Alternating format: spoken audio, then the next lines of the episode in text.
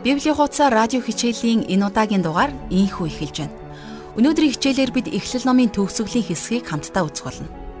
Бидний хуучин танил Яаков маань амьдралынхаа сүүлчийн мөчүүдэд хэрхэн итгэлээрээ бат зогссон тухай бид өнөөдрийн хичээлээр хамтдаа үзэх болно.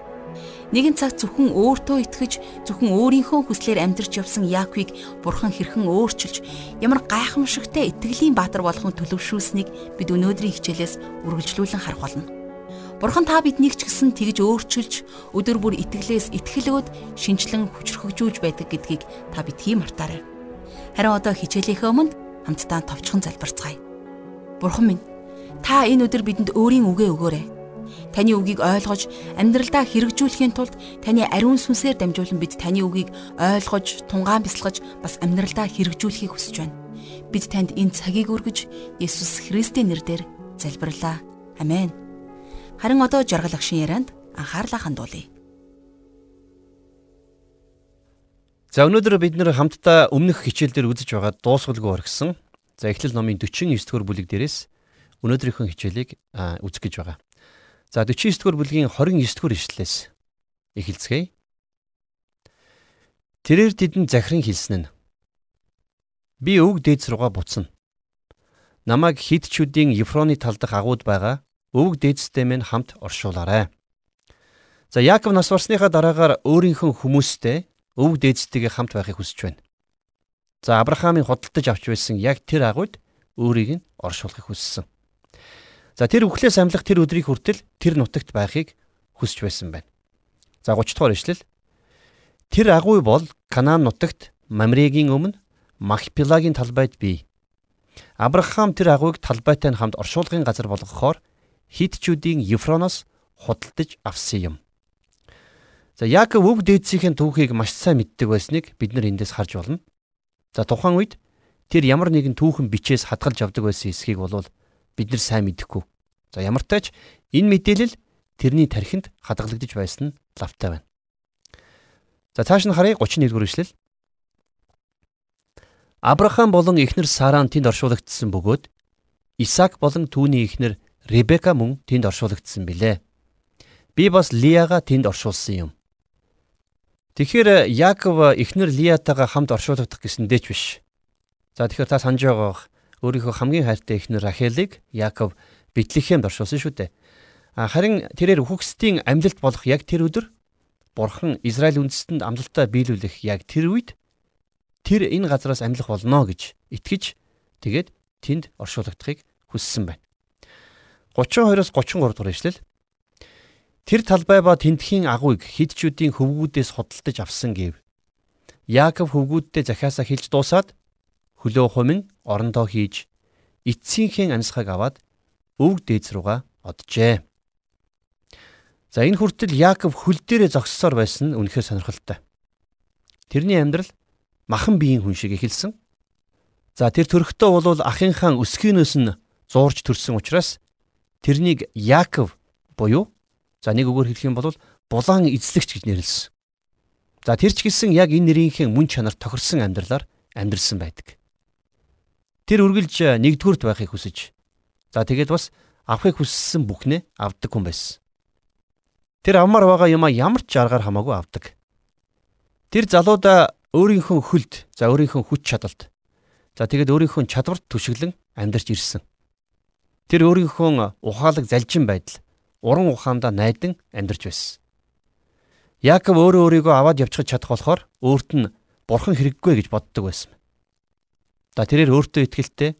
За тэгээд бас дээрээс нь зөрүүд, бардам, а бас ирч хүчтэй, дайчин, төрөмгий, залжин. За тэгээд нэг үгээр хэлэх юм бол өөдгүү зантай хүн байсан.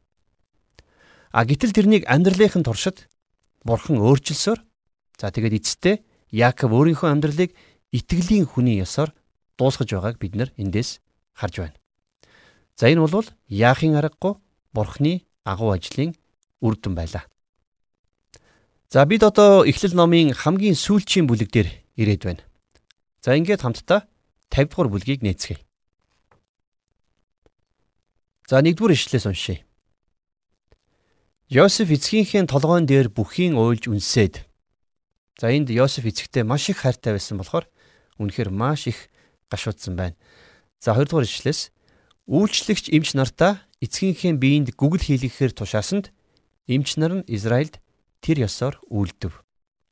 За Египтчүүд иймэрхүү зүйлдээ маш сайн мэрэгсэн байсан гэдгийг бид нар сайн мэднэ. Тэгэхээр та магадгүй Египтийн занданшуулсан шарилын тухай үзэж сонсож байсан байх. За тэд нар өнөөгийн бидний ч хараахан сурч чадаагүй байгаа тийм аргаар хүний биеийг хадгалдаг байсан.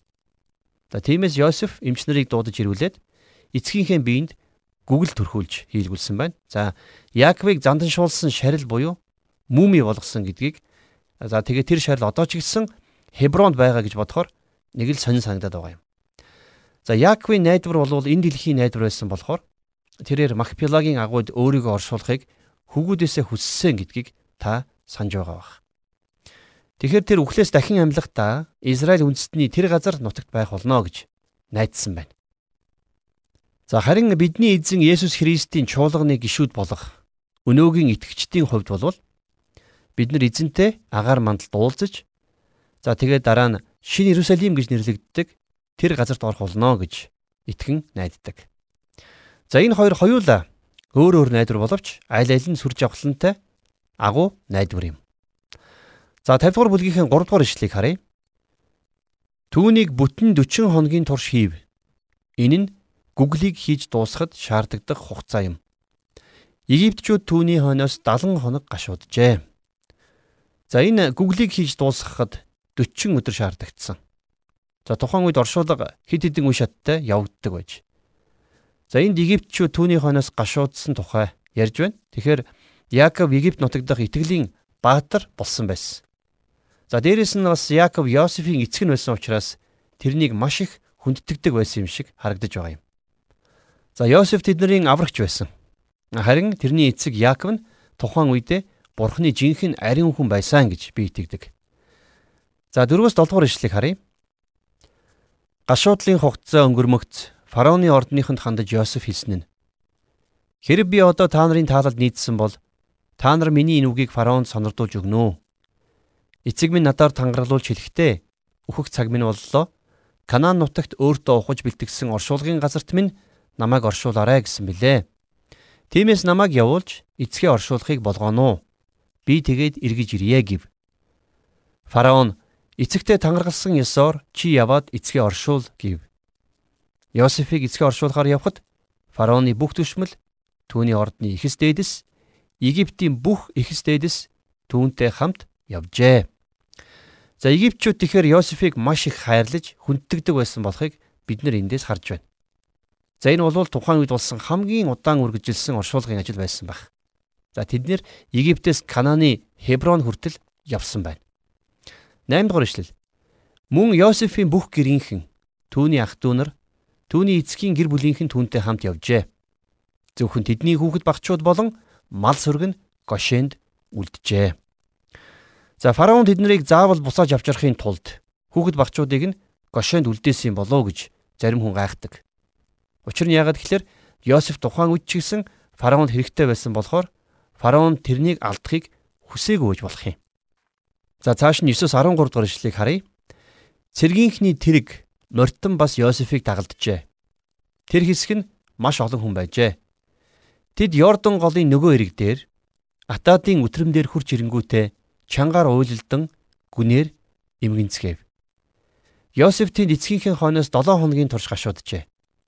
Тэнд оршин суугч Канаанчууд Атадын үтрэмдэр болсон гашуудлыг хараад Египтчүүдийн маш том гашууд болж байна хэмээн ярилццгаав.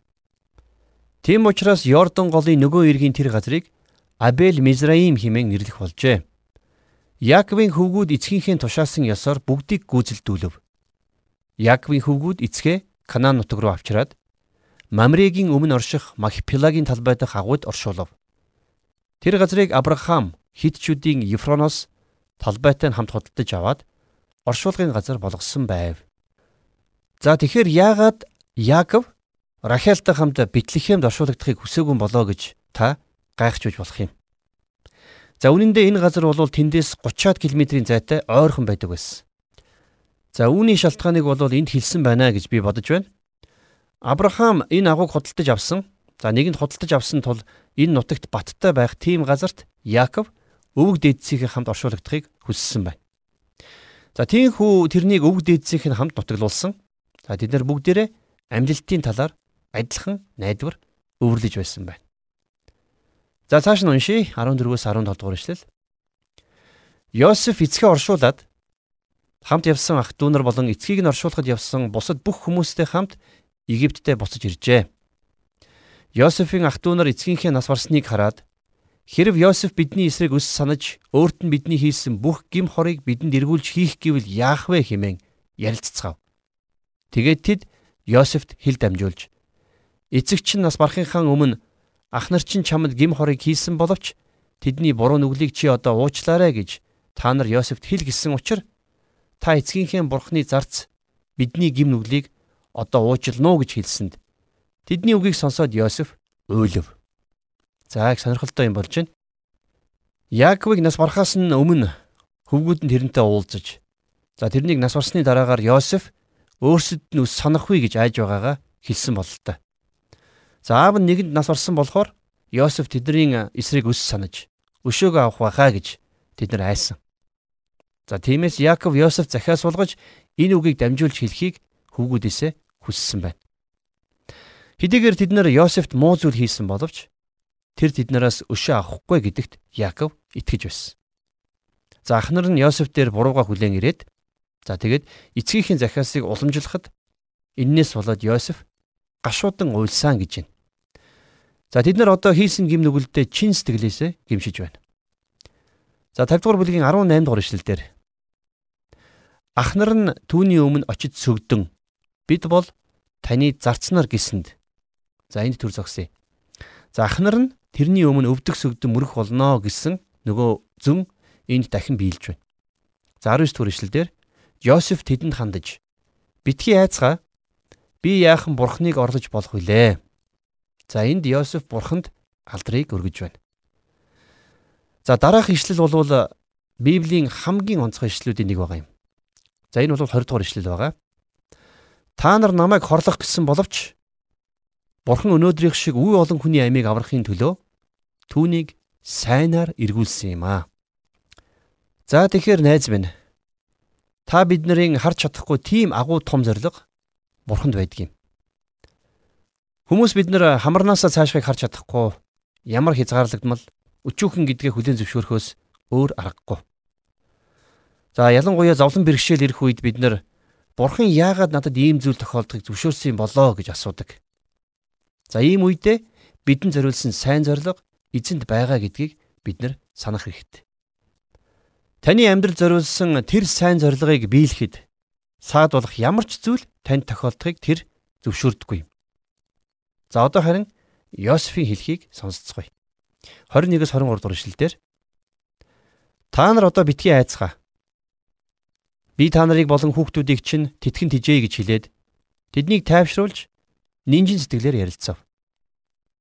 Йосеф эцгийнхээ гэр бүлийнхэнтэй хамт Египтэд суугаад 110 жил наслан Ефраимийн хөвгүүдийн 3 үеийг үзэж бас Манасегийн хүү Махирийн хөвгүүд ч Йосефийн өвөр дээр өсжээ. За энийг би Йосеф өндөр эцэг болсон гэж ойлгож байгаа. За цааш нь харъя 24-өөс 26 дугаар ишлэл. Йосеф ах トゥ нартай хандаж би үхвч бурхан та нарт туслахаар хурч очиж Та нарыг энэ газараас дагуулan гаргаад Авраам, Исаак, Яаков тангаргалсан тэр газарт аваачна гэд. Йосеф бас Израилийн хүүхдүүдээр тангаргалуулад хэлсэн нь. Бурхан та нарт заавал туслахаар ирнэ. Тэгээд та нар миний ясыг эндээс авч яваарай гэв. Тэгээд Йосефийг 110 наснда үгсэнд тэд түүний биед гүгэл хийгээд Египтэд авсалжээ. За ингээд эхлэл ном өндөрлөж байна. За энэ ном бол эхэнд бурхан тэнгэр газрыг бүтээж байгаагаар эхэлж Египтийн бунхнаар дуусаж байна. Тэгэхээр энэ хооронд хүн төрлөختөнд юу тохиолдсон бэ? Гим нүгэл бурхны бүтээлд халтсан. За тухайн үед Йосефийг яагаад Канаанд оршуулаагүй юм болоо? Яагаад гэвэл Йосеф бол Египтэд алдартай баатар байсан болохоор тэр үед тэрний биеийг өөр газар оршуулахыг зөвшөөрөөг нь тодорхой байна. Тэрээр Египтчүүдийн гүнээ хүнддэг их оронч нэгэн байсан гэж би боддог. За магадгүй тэд нар тэрний булшин дээр хөшөө босгосон баг. А гэхдээ Йосеф өөрийнхөндөө хандаж та нар Канаан руу буцаж явахдаа миний ясыг эндээс авч яваарай гэж загсан. За Йосеф ч гэсэн Яаковтай яг адилхан итгэл найдвар үргэлж байсан гэдгийг бид нар эндээс харж болно. За энэ бол бурхан тэднэрт Канаан нутгийг мөнхийн өв болгон өгөх болно гэсэн тэр итгэл байсан юм. Тэд нар их нутагтаа үхлээс амилахыг хүсэж байсан. За амлсан газрыг өвлүүлэхээр Бурхан өөрийн ард түмнийг амьлуулах болно гэж Йосеф бас итгэж байсан. Тэгэхээр хожим шин гэрэний Еврей номонд энэнийг Йосефийн амьдрал дахь итгэлийн хамгийн агуу үйлс гэж тэмдэглэн үзсэн байдаг.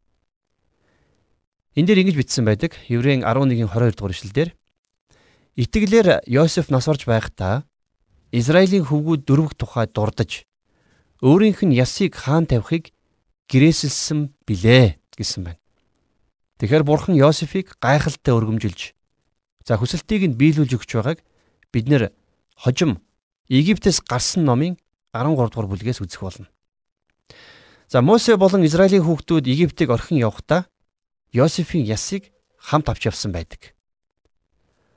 За энэ хүрээд бидний үзэх Библийн хамгийн ихний ном болох Эхлэл ном маань дуусч байна. Гэхдээ Библийн цуврал хичээл дуусах биш харин ч дөнгөж эхэлж байгаа гэдгийг танд сануулахыг хүсэж байна. За бид нар эхлэл химээх номоор дамжиж Библийн хуудас руу хөл тавин орцгоолоо. За ингээд дараа дараагийн хичээлүүдээрээ хамтдаа Библийн хуудасуудаар үргэлжлүүлэн аялж Бурхны үгийг хамтдаа сурцгаах болно.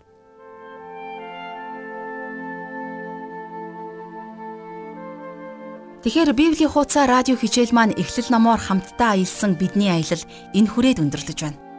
Эзэн бурхан орчлон ертөнцийг бүтээснээс эхлээд хүн төрлөختөн гим нүгэл дунж бузармөөг үйлдэн бурханы оршихугаас хэрхэн даслагдж за бас анхны ах дүүс бие биенээ хэрхэн хөнөөсөн хүмүүс бурханыг хэрхэн эсэргүүцэж анхны олон хилтнүүд хэрхэн үүссэн бурхан хүн төрлөختнийг шүүхийн тулд асар аимшигтай усан галав юулүүлсэн нуваа хэрхэн итгэлээр хөвгч авдар барьсан бурхан Авраамыг хэрхэн дуудсан Исаактай мөн түнчлэн хамт алгасан Яаковыг хэрхэн өөрчилж Йосефийг яаж өргөмжилсөн гэд Эхлэл номын бүхий л гайхамшигтай түүхүүдээр бид хөндлөн голд аяллаа шүү дээ. Эхлэл номоор аялсан энэхүү аялал маань та бидний өөрсдийн итгэлийн амьдралд маань ч гэсэн тус нэмэр өгсөн гэдэгт найдаж байна. Эхлэл номын аялал маань Бурхныг таньж мэдэх аяллалын маань дөнгөж эхлэл нь байсан юм шүү. Ингээд дараагийн аялалдаа хамтдаа гартлаа түр баяртай.